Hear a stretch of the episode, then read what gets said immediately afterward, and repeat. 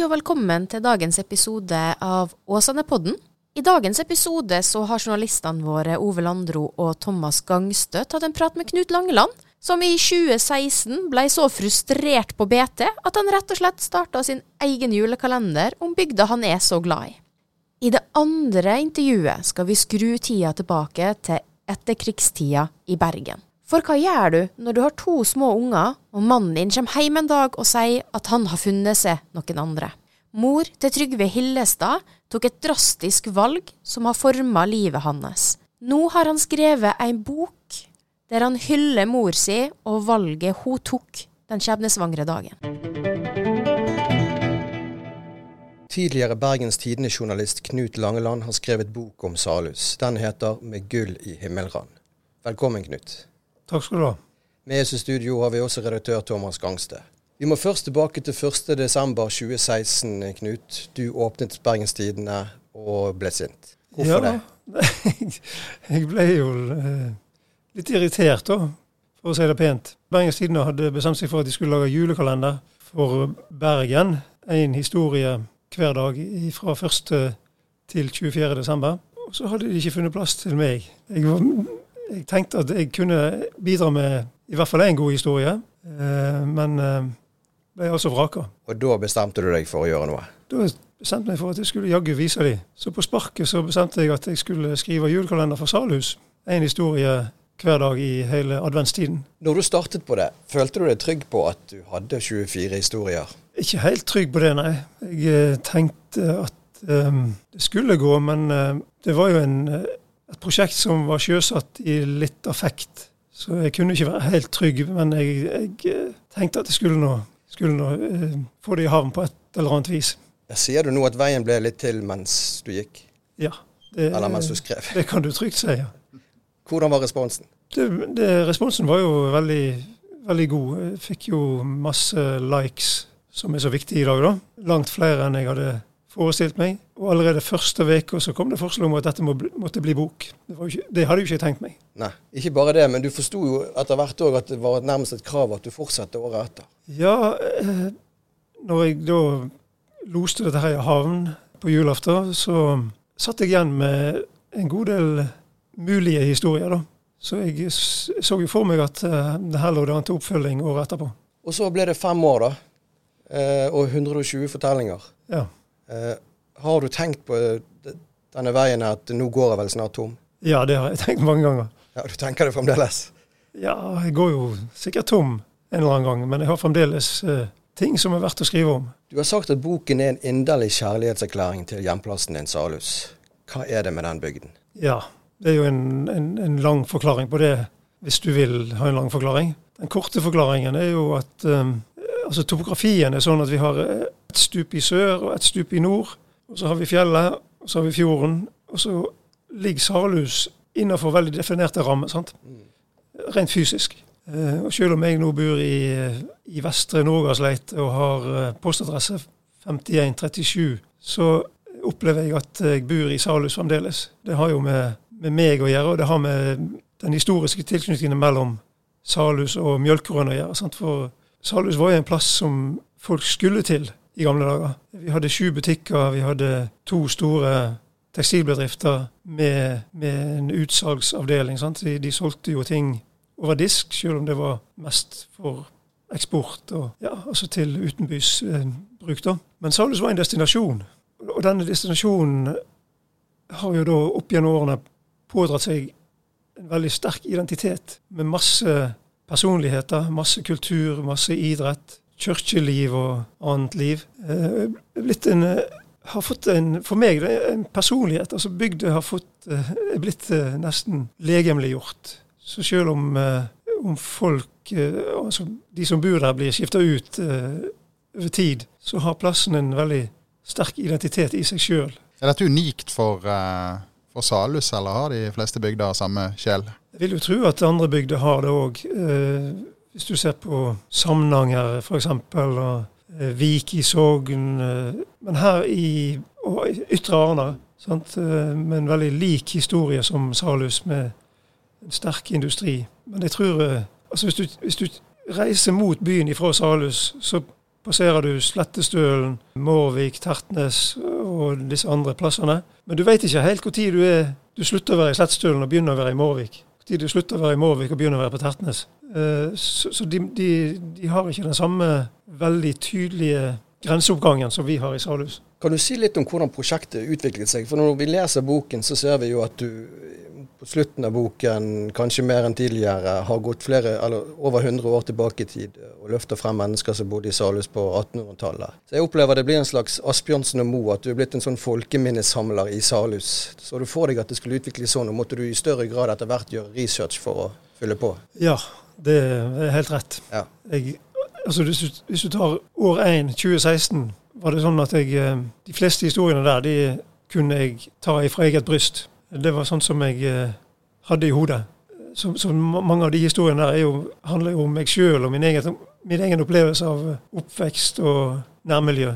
Og Så begynte det å bli mer krevende da når jeg skulle skrive om eh, folk som hadde bodd i Salhus i, i, mange årtier, kanskje 100 år før meg. Så da måtte jeg drive ganske omfattende researcharbeid. Og det tok jo, det tok jo fort både tre og fire og fem timer i løpet av en kveld. Jeg måtte ringe til mange folk og hatt veldig mye god hjelp da av folk som har hatt eh, rik kunnskap om Salhus. Så det betyr at du har blitt mer kjent med din egen bygd etter hvert som dette prosjektet utviklet seg? Absolutt. Jeg har eh, lært veldig mye som jeg ikke visste fra før. Noen skriver til deg at de begynner å grine når de leser eh, historiene dine. Gjør det inntrykk? ja, eh, jeg syns jo det er veldig rørende at eh, jeg klarer å røre folk, da. Så jeg, jeg blir jo, jo sjøl bevega av de tilbakemeldingene jeg får. Det blir du, ja. Ja. Jeg, jeg blir jo òg eh, Hvis jeg leser om igjen det som jeg har skrevet, så blir jeg jo til dels rørt av det jeg sjøl har skrevet. og Det er kanskje dumt å si, men sånn er det nå. Hvorfor blir det så følelsesladet? Dette handler om, delvis om identiteten din? Ja, altså det er jo Hele prosjektet handler om bygdefølelse. Ja.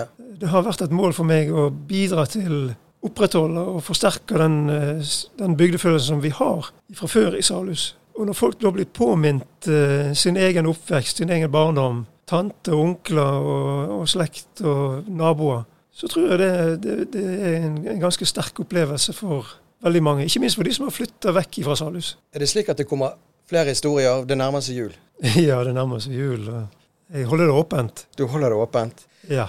Du har ikke helt bestemt deg, altså? Nei, jeg har jo tenkt at jeg kanskje burde gi meg. Og så har jeg tenkt at jeg eh, kanskje må ta en pause. Men så vet jeg jo òg at uh, her er jo uh, historier som står igjen å fortelle. Jeg har jo sjøl ei, ei, liste som jeg ikke er kommet til enden av. Så jeg utelukker ingenting. Hvor lang er den listen, da? Den er vel på i hvert fall 24 historier. Han er tidligere fotojournalist i Bergensavisen regionsleder for stiftelsen Norsk Luftambulanse og vært informasjonsleder for politiet. Han har gitt ut flere bøker, eh, deriblant om jernmannen Hans Jacob Berntsen og om byfjellene i Bergen, selvfølgelig. Nå er han ute med en ny bok. Denne gangen har han skrevet om sin mor. Og hvorfor har du valgt å gjøre det, Trygve Hillestad? Jeg følte tiden var inne til å sette fokus på den perioden etter krigen der veldig mange familier i Bergen Det var ikke unikt for oss. Eh, hadde, ikke hadde det så bra. Og der eh, det yrket hun til slutt eh, valgte å ha, det hadde veldig lav status. Og hun ble alenemor med to små gutter, meg og min bror. Jeg var, jeg var tre år, og han var halvannet år. Og vi bodde en periode på pensjonat, og så havnet vi i en liten kjeller, jeg vil ikke kalle det leilighet, et rom eh, i Granbakken. Og det å være alenemor og vaskekjerring, som vi kalte det, det var så lavstatus som du kunne bli.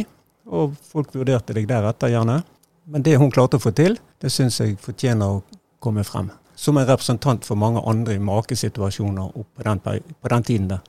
Nå bor du på Tertnes. Tidligere så eh, Du har vel vokst opp i, eh, i eh, Jonas Lies vei på i Årstad. Eller du har i hvert fall bodd i Jonas Lies vei i Årstad. På et tidspunkt så kom din far hjem og fortalte at han hadde truffet en, en ny dame. Og da gjorde din mor noe ganske drastisk den kvelden. Det må du fortelle litt om. Hun er født og oppvokst i Glomfjord. Og rett etter krigen så var ikke det mye der for ungdommen å ta seg til. Så hun reiste via Oslo til Bergen.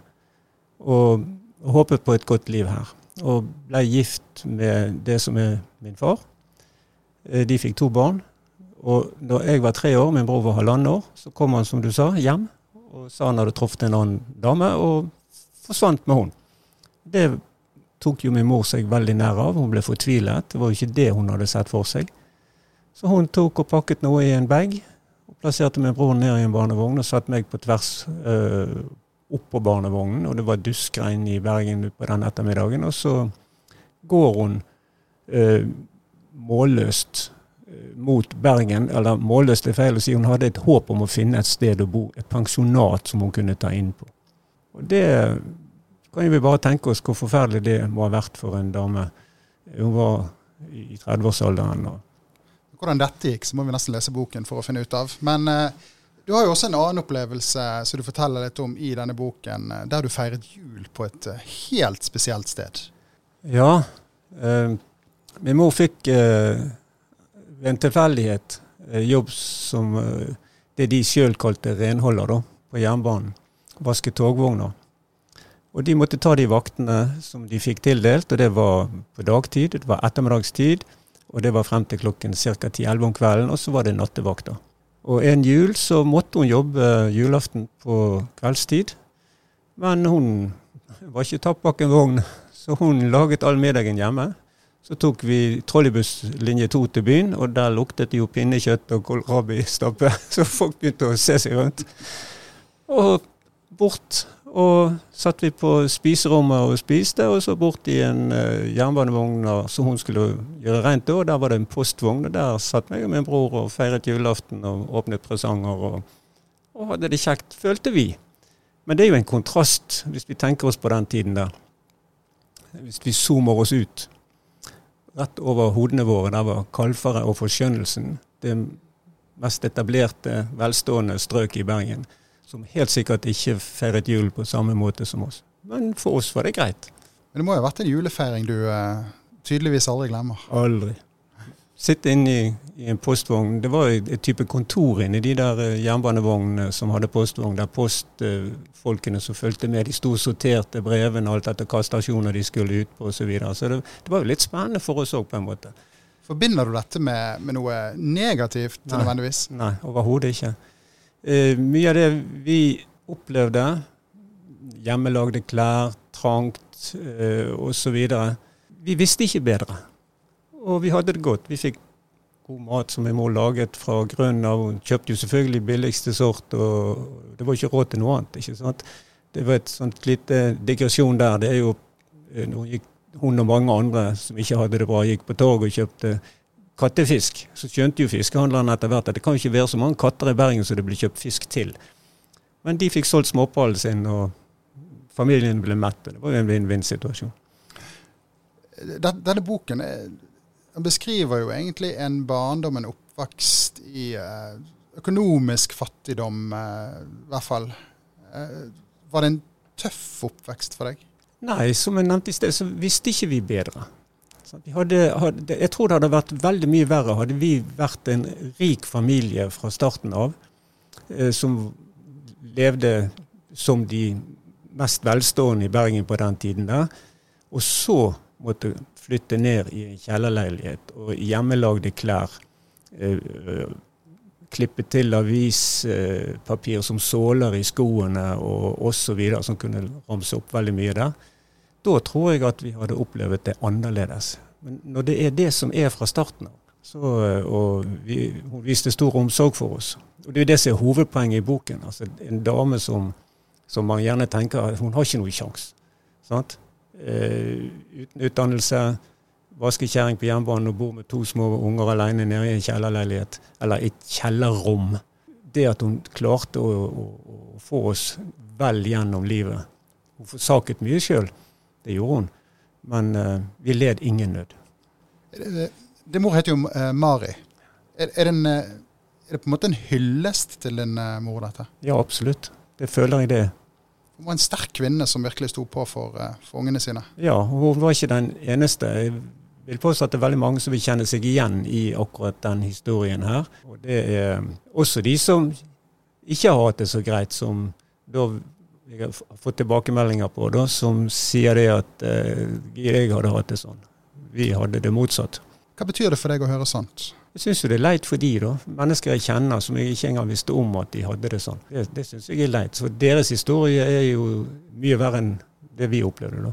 Du, um, litt tøff barndom, uh, men du har klart det ganske godt opp gjennom livet. Gitt ut noen bøker, du har hatt uh, det som tilsynelatende er gode jobber.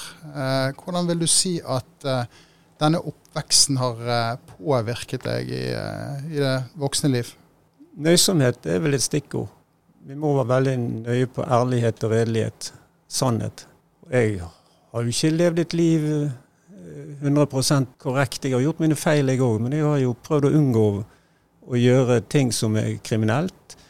Det opplevde jo vi i miljøene rundt oss at det var folk som gjorde. og Vi må være veldig klar på at du må holde deg unna de som begår kriminalitet. ikke sant? Men det å være ærlig og være eh, rettferdig, det føler jeg kommer fra, fra fra oppveksten vår. Og Det prøver jeg å leve etter. Du har også bidratt eh, med historien din på, eh, på en film om Bergen i forbindelse med 950-årsjubileet. Hvordan ble det til? Ja, De som produserte den filmen, Elisabeth Kleppe og Elin Sander og, og Frode, de hadde snappet opp på YouTube noen filmer som en bror har lagt ut der, som vi som unggutter filmet på mannsverket sammen med to kamerater, Geir Andersen og Helge Skorpen. Jeg fikk fatt i et smalfilmkamera. Eh, enkleste sort som Kodak laget på den tiden. Og vi filmet eh, dagliglivet. Og så begynte vi å filme eh, opp, opptak av ting som skjedde. Sankthansfeiring. Vi dro ut på Bergen havn og filmet det som skjedde der. Og konfirmasjoner. og Litt 17. mai og litt sånn og laget en krim, krimfilm så videre, når vi gikk på skøyter osv. Mange av disse filmene er lagt ut på YouTube. Og eh, duemiljøet som var på Mannsverk den gangen. Eh, Det snappet de, disse opp, da, produsentene bak i eh, Bergen i all beskjedenhet, og spurte om de kunne få lov å bruke. Og det fikk jo de selvfølgelig lov til. Og jeg sluttet å telle når jeg kom til rundt 50 klipp som vi filmet i guttedagene, som er med i den filmen. Og Det syns vi er en ære. Vi tenkte jo ikke at det skulle bli et resultat når vi gikk som 14-15-16-åringer og sveivet med filmapparatet vårt den gangen. Har ikke vurdert å lage spillefilm ut av eh, boken om din mor på dine litt mer voksne dager? Nei, men apropos film om min mor, og det er jo ganske sprøtt. Jeg var ivrig å fotografere på den tiden. Jeg fikk lage eget mørkerom på klestørkerommet vårt uh, i høyblokken på Mannsverk. Og begynte så smått å levere som frilans til både BT og BA. Da var jeg 17-18 år. Jeg var aldri og tok bilder av min mor på jernbanen. Jeg tok heller ikke filmkameraet mitt med og dokumenterte det arbeidet de gjorde. Og er det noe jeg angrer på i livet, så er det akkurat det. Det syns jeg er ganske toskete. Vi er blitt mye flinkere til å ta bilder og ta vare på minner i dag enn kanskje vi var den gangen. Rett og slett pga. tilgjengeligheten vi har via mobiltelefonen. Det er jo det. ikke sant? mye lettere. Du har det med deg hele tiden, og du har gjerne et annet fokus på det. Så jeg, Mitt inderlige ønske er jo at mange flere i dag fotograferer dagen i dag. For det blir jo historie om 50-100 år som noen har lyst til å gjøre noe med. Lage film, skrive bok eller på annen måte markere. Og så er det da mangel på det hvis ikke vi alle i dag eh, tar vare på det på en måte. Hva tror du din mor eh, hadde sagt hvis hun eh, visste at du hadde gitt ut eh, denne boken? Hvordan hadde hun reagert på den? Hun ville aldri ha oppmerksomhet på seg sjøl. Hun likte ikke at vi ville markere i bursdager og sånt. Da ble hun brydd. Så eh, jeg tror nok hun ville vært veldig brydd nå. For hun ville altså ikke ha noe som helst fokus eh, på seg som person. Men hun ga mye oppmerksomhet til alle andre rundt seg. Hun visste dere var stolt av henne? I massevis, og det fikk vi heldigvis sagt mer enn én en gang. Det er jeg veldig glad for. Det er veldig godt å høre, Trygve Hillestad. Men helt før vi forlater deg, eh, Hillestad, så har jeg lyst til å skru eh, tiden 68 eh, år tilbake igjen. Til den gangen din mor tok dere med fra Jonas Lisvei og gikk ut i Bergensnatten. For uh, du har ikke truffet din far igjen siden den gang, stemmer det? Det er helt rett. Hvorfor ikke det? Nei, det, Han reiste med den nye damen sin til Voss, som hun kom ifra. og Så dro de seinere til Østlandet. Og uh, Min mor syntes jo det var veldig leit. Hun klarte aldri å slippe sine følelser for han men det toget var jo gått. Og vi var ikke Jeg var tre år, som nevnt, og hadde ikke noe forhold til min far. Og for meg så var det ikke noe savn når jeg ikke hadde noe forhold til han. Så hvorfor han valgte å ikke kontakte oss etterpå, det vet ikke jeg. Men nysgjerrigheten din? Nei, ikke i det hele tatt. Jeg eh, har valgt ganske tidlig i boken å kalle han Bjarne, for det var det han het. Ikke far. Du har jo også en halvsøster. To. To halvsøstre. Eh, en av de bor i Oslo, vet jeg. Hun har du snakket med i forbindelse med denne boken. Ja. Hva synes hun om at du eh... Nei, hun var jo positiv til det. Men eh, hun jo Hun kom til verden en del år etter at de to kom sammen. da. Og ja, vi hadde en hyggelig prat. og Det er en ålreit dame å prate med, men vi har ikke møtt hverandre. og Kommer når jeg til Oslo, så er jeg velkommen til å ta kontakt. Men det er ikke sånn at vi hiver oss på flyet, noen av oss, og skal møte hverandre. Og det har jeg all respekt for og forståelse for. Sant? For vi har jo ikke noen relasjoner i det hele egentlig. Sant? Og vi må Jeg vet ikke om hun visste at min far hadde fått var far til en datter som ble født eh, rundt et år før, før de giftet seg. Så jeg har jo en halvsøster før jeg kom til ja. verden, og en halvsøster etter at de gikk for. Eh, tusen takk for at du eh, var med oss i eh, Åsane-podden. Og takk for at jeg fikk være her, og gratulerer med denne nye kanalen òg. Tusen takk for det. Takk for at du hørte på dagens episode. Vi er tilbake neste fredag med en liten julespesial.